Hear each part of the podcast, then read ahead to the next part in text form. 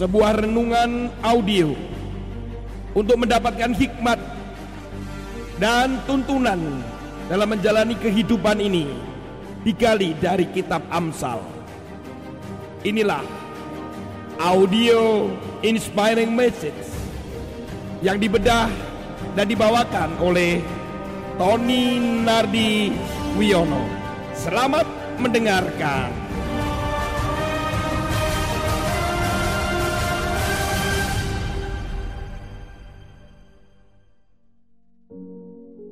Shalom Bapak Ibu sekalian. Suatu hari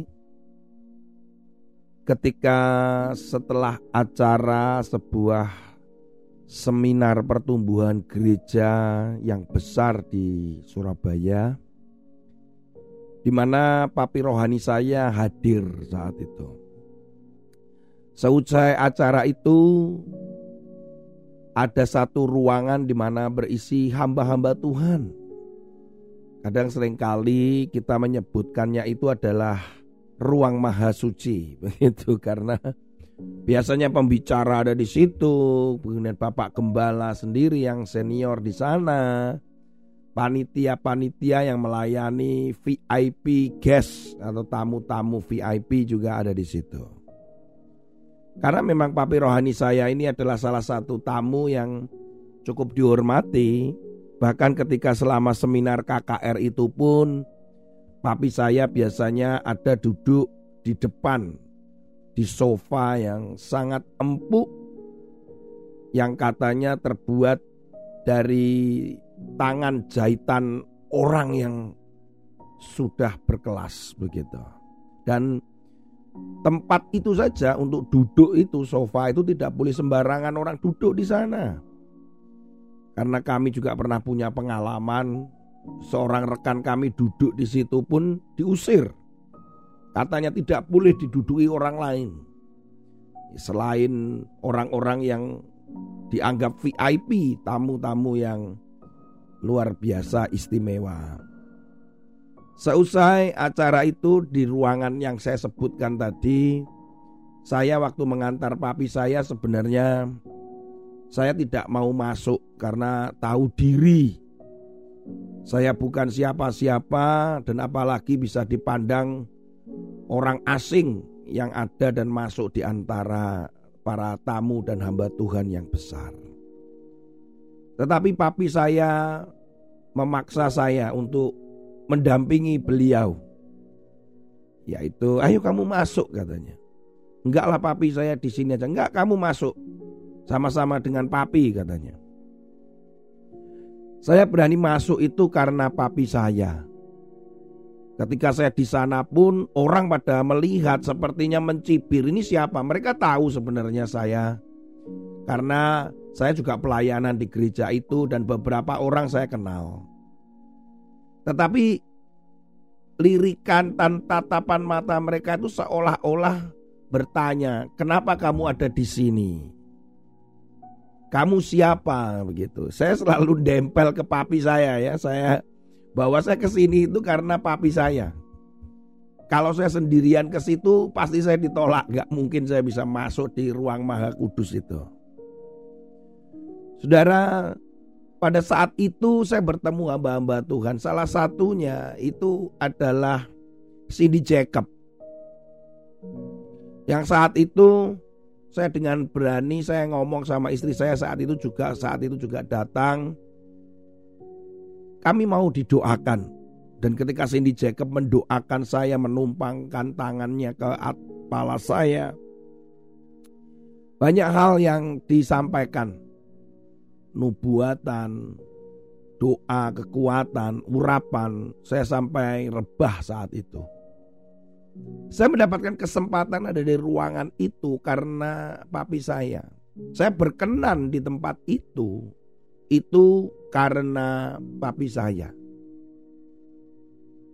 Saudara, beberapa tahun kemudian, beberapa tahun kemudian ketika pemimpin atau gembalanya gereja itu sudah berganti. Saya juga masuk ke situ lagi karena papi saya. Ketika papi saya mengajak saya masuk lagi pada seminar pertumbuhan gereja bertahun-tahun kemudian. Saya pikir nggak ada masalah ketika saya mau masuk. Karena saya pikir ada papi saya. Saudara, ketika saya masuk kemudian papi saya mengajak lagi seperti biasa. Ternyata berbeda. Apa yang terjadi berbeda dengan tahun-tahun sebelumnya. Yaitu saya diusir keluar. Saya diminta oleh salah satu security. Kemudian dia berpakaian rapi sekali, saudara. Berpakaian batik begitu. Ketika saya sudah ada di dalam, dia menghampiri saya dan dia berkata, "Maaf, Bapak harus keluar." Di antara malu, di antara tanda tanya di pikiran saya, saya juga, "Loh, kenapa gitu?" Bapak keluar ini untuk tempat khusus. Mari Bapak, saya antar keluar." Saya itu sampai diantar dipastikan saya keluar dari ruangan itu bahkan dari gedung itu. Tepatnya diusir dan saya tidak mendapatkan perkenanan. Ketika saya masuk mobil, kemudian saya menunggu di situ. Kemudian tiba-tiba papi saya telepon, tanya, "Tony kamu ada di mana?" saya tertawa. Papi aku saya ada di luar. Lu kamu kan harusnya di dalam nemenin papi katanya. Enggak, Pap. Saya diusir. Saya disuruh keluar dari ruangan itu. Loh kok bisa? Begitu tahu saya diusir, papi saya saat itu langsung ini. Ya udah kalau gitu aku juga keluar. Tunggu aja di situ. Kemudian saya menceritakan itu di dalam mobil dan papi saya juga heran. Saya bilang, "Papi, bahwa hamba Tuhan atau pendeta atau gembala gereja itu tidak suka dengan saya, Papi." Saya ceritakan semua. Saya tidak melakukan kesalahan, saya tidak melakukan sebuah pelanggaran.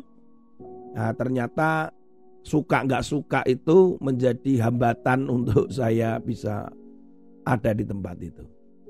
Bahkan saya pun tidak bisa pelayanan di tempat itu. Saudara kekasih di dalam Tuhan, mengingat tentang berkenan, perkenanan, itu kita selalu ingat bahwa itu berbicara bagaimana Tuhan itu senang dengan kita. Seperti ketika saya ada di sebuah ruangan itu, di tempat ruangan yang mana di sana itu orang-orang yang khusus. Saya ada di tempat itu, saya berkenan, saya bisa nyaman di tempat itu. Tuan rumahnya juga menerima saya itu berbicara tuan rumahnya juga berkenan, senang menerima saya. Itu karena papi saya. Bukan orang lain, saya nggak ada surat khusus, tetapi karena papi saya ada di situ dan mengajak dan saya mendampingi dia. Saudara kekasih di dalam Tuhan, Amsal pasal 12 ayat 2 mengatakan begini. Orang baik dikenan Tuhan, tetapi si penipu dihukumnya. Kapan kita bisa menjadi orang yang baik sehingga benar-benar Tuhan itu berkenan?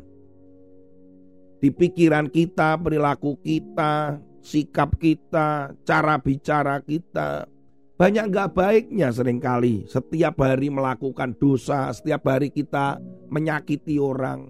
Bahkan mungkin gak sengaja kita berdusta, kata-kata kasar, memperlakukan tidak adil. Begitu banyak sebenarnya yang tidak bisa kita menyenangkan Tuhan sepenuhnya. Karena dikatakan orang baik itu dikenan Tuhan. Sementara kita banyak berkelakuan tidak baiknya. Jika demikian, apakah kita juga di hadapan Tuhan kita itu kita bisa lebih masuk lebih dalam? Kita bisa dekat dengan Tuhan. Kita berada di tempat di mana kita bisa bertemu muka dengan muka. Saudara kekasih Tuhan, sebuah kebenaran firman Tuhan yang kita harus tahu dan kita pahami adalah Ibrani pasal yang ke-10 ayat yang ke-19. Jadi saudara-saudara, oleh darah Yesus kita sekarang penuh keberanian dapat masuk ke dalam tempat kudus. Ketika Yesus mati di atas kayu salib, saat itu ruang maha kudus yang disekat dengan tirai antara ruang kudus dan ruang maha kudus di bait Allah tirainya terbelah. Artinya saudara, orang yang biasanya orang-orang khusus ada di ruang maha kudus. Saat ini bisa masuk dekat dengan Tuhan. Masuk di dalam hadirat Tuhan lebih dalam lagi. Merasakan pengalaman secara spiritual. Yang walaupun kita sebenarnya nggak bisa sempurna baik. Tetapi oleh karena darah Yesus itu kita bisa dengan berani masuk ke dalam tempat kudus itu. Jadi ketika ilustrasinya saya bisa masuk ke tempat di mana disebutkan tempat VIP para hamba-hamba Tuhan besar di situ. Itu bukan karena saya yang baik, bukan karena saya yang benar, bukan karena saya yang punya pengalaman atau saya punya prestasi di situ. Tetapi karena papi saya mengajak saya untuk masuk ke situ.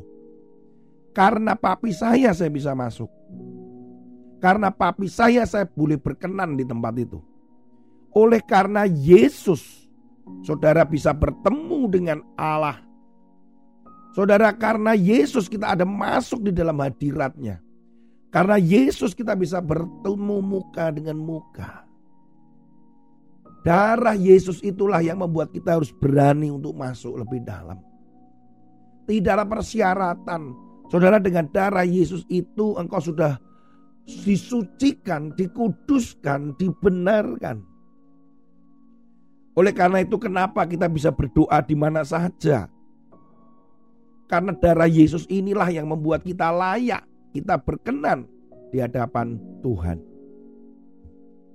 Saudara, Kadang ketika kita sudah pernah melakukan dosa atau sedang kita ada dosa di dalam hati dan pikiran kita.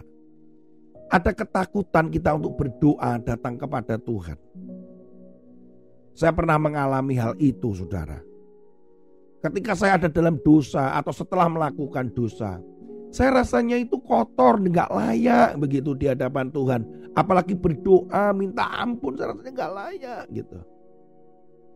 Tetapi kebenaran ini dibukakan waktu itu. Saya harus tetap berani masuk ke dalam hadirat Tuhan dan saya berdoa dan bersimpuh di bawah kaki Tuhan.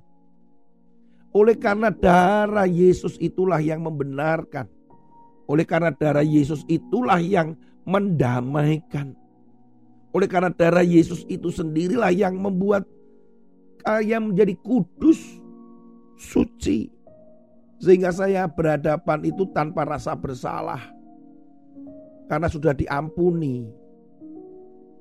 Saudara, tapi iblis sering kali itu menghantui, meracuni pikiran kita dengan kata-kata kamu gak layak, kamu gak pantas, kamu sudah dosa, kamu sudah melakukan kesalahan, kamu gak pantas, kamu berdoa dengan Tuhan, gak malu kamu. Jangan masuk dalam hadirat Tuhan. Kamu sendiri masih kotor, kamu dosa. Kesalahannya banyak di dalam dirimu. Saudara, itu yang pernah saya alami. Tetapi puji Tuhan, kebenaran itu disingkapkan sehingga saya dengan keberanian tetap masuk di dalam hadirat Tuhan.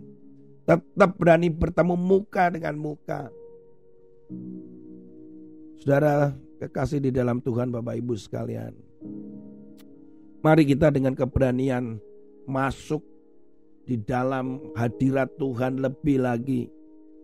Jangan sampai ada tuduhan-tuduhan. Si iblis itu yang terus menghantui kita.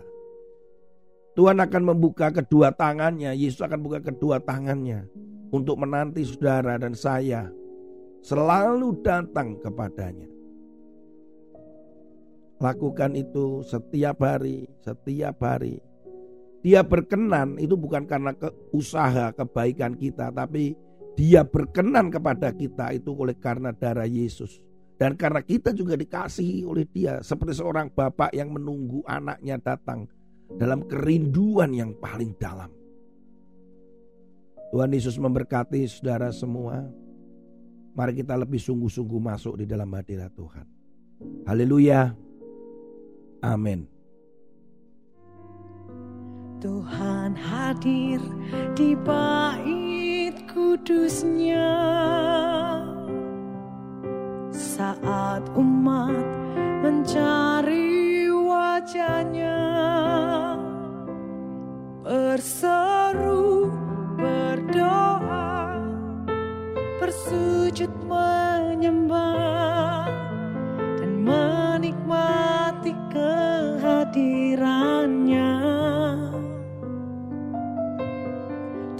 Tuhan mau dekat dengan umatnya. Yang datang dengan segenap hatinya.